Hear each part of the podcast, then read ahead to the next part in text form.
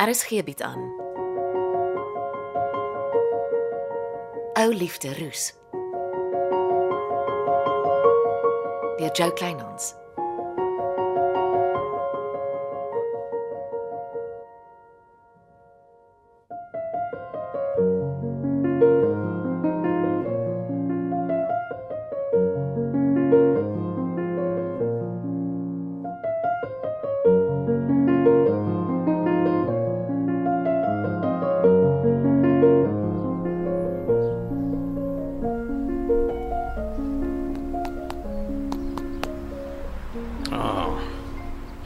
Môre Sir Joe. Hoe klink jy nog so deur die slaap?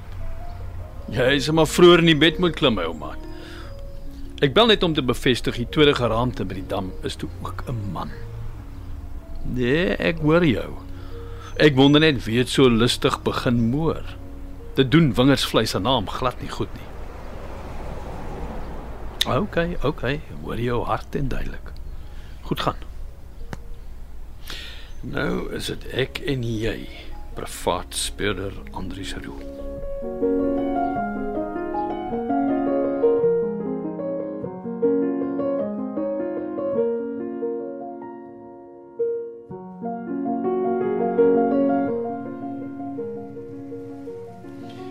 Vanoggend kyk ek en jy mekaar in die oë Andrius. Wat is jou storie? Môre vir jou ook, Bux. Goed om jou so baie in my kantoor te sien. Oh, ja, Bux. Kom ons begin by Michelle se bruin koffertjie. Hoekom het jy 'n mal 1000 rand daarvoor betaal? Dennis jou so waar vertel. Dit het ek nie verwag nie. Ek en Dennis het nie geheime vir mekaar nie. En in September. Hy verbaas my elke dag 'n bietjie meer. Ek wag. Wel, ek het uh, toevallig verby Glennis de Bruin. Niks wat jy doen is toevallig nie, Andries. Jy is reg. Dis gewoonlik. Wel, ek het uh, van jou plaas af dorp toe gery. Toe sien ek Dennis in die plaasbakkie en ek agtervolg hom toe. Mm, dit klink meer na die waarheid. En toe sien ek Dennis wikkel met die bruin koffertjie by Glennis se huis in. Klou dan vas vir lewe en dood. Dadelik my oog gevang. Dennis wou net hoor of Glennis daaraan belangstel. Oh, Waarskynlik, maar sy het nie. En toe kom ou Dennis ewe bedryweld met die bruin koffertjie weer by Glennis se huis uit en hy wikkel toe daarmee terug bakkie toe. Kyk en toe kook my aards in die skierigheid oor. Toe het ek nog geweet dis Michelle se bruin koffertjie nie. 'n Koffertjie wat ek vir Dennis gegee het omdat Michelle duidelik nie meer van plan is om terug te kom plaas toe nie. Ja. Jy sien toe ek eers vir ou Dennis van die pad afdruk en oor die soetkuis uitvra. Borrel hy soos 'n opgewende pop dat dit Michelle se soetkuis is wat hy persent by jou gekry het. En toe moet jy eenvoudig die soetkuis koop. Maak nie saak hoeveel dit jou uit die sak uitjag nie. Einste. In 1000 rand later weet ek jy die arme Dennis vir 'n vieslike raai het gevat. Dis net so min Michelle se reisstasie as wat dit myne is. Hoe sal jy weet? Michelle was 'n lady met fancy smaak. Sy sou aan nooit met daai cheap gemors opgehou het wat in die soetkuis was nie. Jy weet baie van Michelle af. Kom nou, Bux. Ons kyk mekaar mos in die oë vanoggend, hè? Maak 'n bietjie hart skoon. Jy het Dennis September lelik gespeel. Ek sal dit waardeer as jy my plaaswerkers uitlos. Jy het nie die reg om hulle van die pad te druk en aan ongemagtigde ondervragings te onderwerp nie. Fair enough. Maar vir wat dit werk is. Die soetkuis is vol cheap gemors. En ek het vir die skoonmaaklady in ons kantoorkompleks gegee. Dit was 'n duur les. Die vraag is of jy ooit leer, Andries. Hm. Leer jy ooit?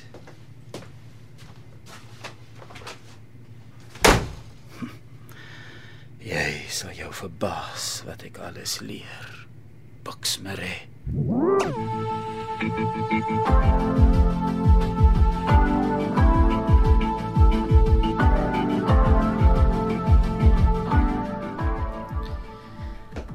en kyk wie sleep die kat hier in. Ek neem aan jy het nog nooit van afsprake gehoor nie, Angie. Ek het 'n paar interessante feite met jou kom deel. Ons het niks te deel nie. En ek het jou nie genooi om te sit nie. Gelukkig weet ek jy's nie bekend vir jou goeie maniere nie. Angie, ek is besig. Wat soek jy? Wel, ek het 'n lysie getik van al die hotelle waar jy en Bux al oornag het. As ek en Bux reis, is dit vir werk. O, En jy moet altyd in dieselfde kamer slaap want jy moet die hele nag lank werk praat. Wie gee jou die reg om in my privaat lewe te krap? Jy weet ek help vir Pietman met sy egskeidingsnavorsing. Dankie. En nou weet almal op die dorp Pietman het my maande lank met jou verneek. Aanval bly maar die beste manier van verdediging. En jy is goed daarmee. Was nog altyd so. Van waar sit jy daar af? Ek het al baie dae omgehuil omdat ons twee se paaie ooit gekruis het. Jy was nog net 'n las van dag 1 af. Sonja, skei vir Pietman op sy terme en alles om jou raak rustig. Maar ek beloof vir jou, nie ek of Florence gaan toe kyk hoe jy Pietman kaal uittrek omdat jy rondgevoeter het nie. Jy vergeet iets baie belangriks. Sonja het die hef in die hand. Ek het foto's wat skrik vir niks. O, ja. Ek het jou nog nie eens die goeie nuus vertel nie. Ek het die arme Pietman mos dadelik vir bloedtoetse geneem. Wat? Jou prokureur behoort vandag die uitslae te kry. Maar vir wat se bloedtoetse? Ons het gery die dag na die sogenaamde betalje in julle huis, jy weet die partytjie.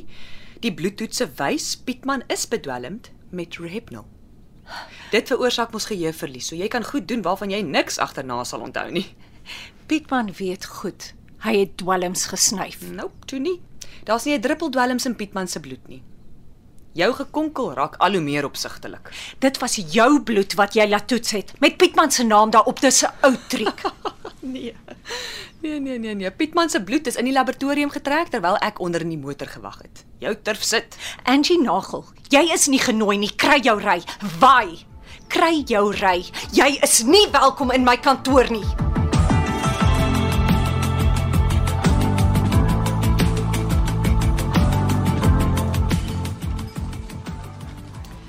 Net koffie, dankie Andries. Wat van 'n ou broodjie. Nee, dankie. Nee, dankie. Alhoewel ek verkies om in die restaurant koffie te drink is om nie my gesondheid in jou kantoor te waag nie. Hoe moet ek nou voel, hè? Jy laat maar vergeet ek is 'n uiters sensitiewe wese. Ek het 'n handvol sake om met jou te bespreek. Laat ek hoor. Ons sê as jy honger raak. Kom ons begin by Maree Landgoed se wyne. Nou, kom daar? Bux Maree maak sy groot geld met die uitvoer van sy wyn, Dis nie nuus nie. maar dit gaan veral oor sy verouderde rooiwyne. Marewyne, wêreldberoemd. Hy verkoop die beste verouderde Cabernet Sauvignon in Merlot. Maar as hond duur. Die verouderingsproses kos geld. Maar die landgoed het van die grootste wynkelders in die land. Waarheen is jy op pad met jou vraag? Ek wens ek kan antwoord eers antwoord. Andries Roemiddag. Ah, oh, interessant. Ah, waarmee help ek? Waaroor? Ah, ek maak vanmiddag gedraai.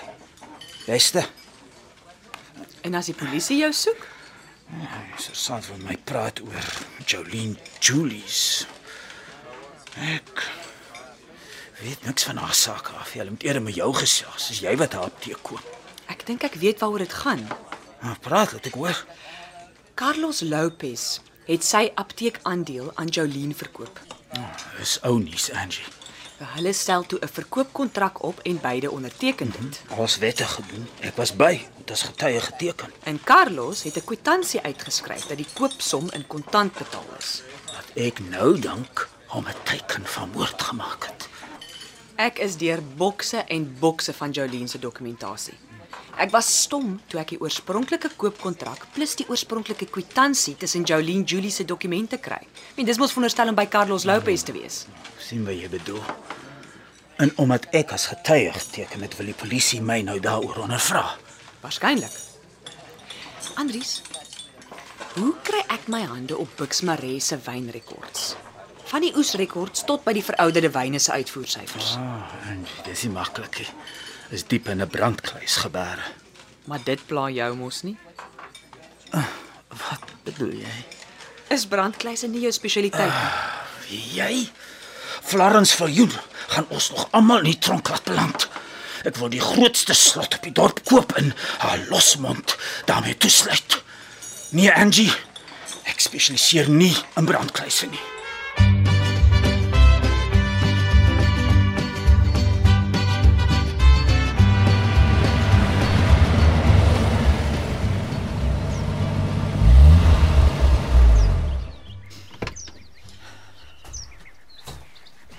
As jy op die tuinbankie sit. Ek het vars lug kom soek. Angie Nagel was hier. My bloeddruk deur die dak gedruk. Jy moenie laat mense so maklik onder jou vel inkom nie.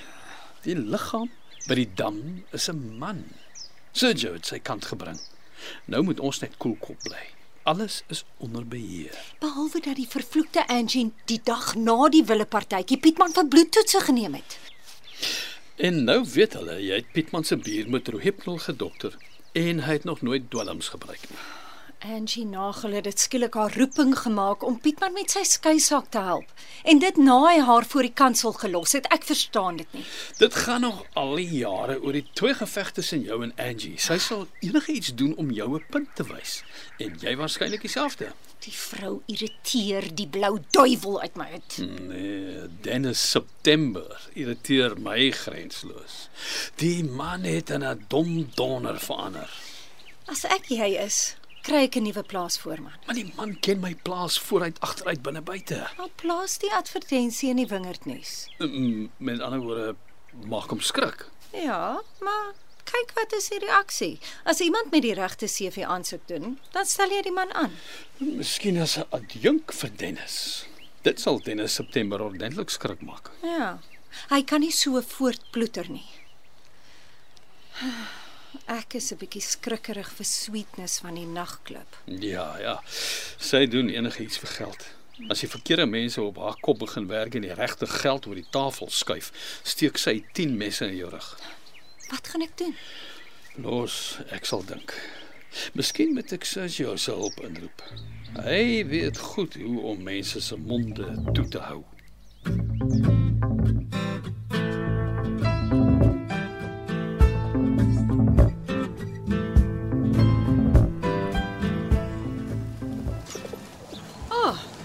Buks. Ek neem aan Sonja het jou vertel van my nuwe blyplek. Nee, wat? Almal in Wingerdsvlei weet waar jy bly. Ek gaan jou nie innooi nie. Nie so gedink nie. Het Sonja jou gestuur? Niemand stuur Bucks Maree nie. Nou waarmee help ek? Ek ek kan nie verstaan hoekom jy toelaat dat mans jou so maklik 'n rad voor die oë draai nie. Dis jou opinie. Nee, feite. Eers maak Pietman Radloff 'n totale gek van jou en toe doen Etienne Nagel presies dieselfde. En jy leer nog steeds nie jou les nie. Jy help maar weer die ruggraatlose Pietman. Begin al hoe meer klink of Sonja jou tog gestuur het om haar battles vir haar te veg. Angie, jy is 'n sterk vrou. Jy het nie patete soos Pietman Radloff en Etienne Nagel se jammerhartigheid nodig nie. Waarvan praat jy, Buks? Kyk nou vir Etienne. Kry jou so jammer dat hy so waar sy swaar verdiende wengeld gebruik om Rousseau se studiegeld te betaal. Hy het nie. Word wakker, Angie. Etienne Nagel is die anonieme skenker. Hy het jou jammer gekry en sy wengeld gebruik om jou uit die gemors te help. Dit lieg jy. Die waarheid en niks anders as die waarheid nie, edelagbare. Etienne was bang jy moet jou swaar verdiende apteekgeldjie gebruik om Rousseau se studieskuld te betaal. Ek het hard probeer uitvind wie die anonieme skenker is. Dit word geheim gehou. Etienne wil jou nie laat sleg voel nie. Die arme man moes sy toer saam met sy lewensmaat kanselleer om die studieskuld te betaal. Ek het hom nie gevra om dit te doen nie. Jy sien Angie, die manne kry jou jammer omdat hulle jou so maklik uitbuit. Pietman gaan jou ook nog jammer kry en 'n paar sente in jou bankrekening inbetaal. Hou maar dop. Jy is 'n bitter onsmaaklike mens, Buks Maree. Ek gee ten minste nie voor soos Pietman en Etienne dat ek van jou hou nie. Jy weet presies waar jy met my staan. Loop vlieg in jou malle verstand in. Ek het darm nog verstand in. Ek gebruik dit ruimskoots. Miskien moet jy dit ook begin doen, Angie.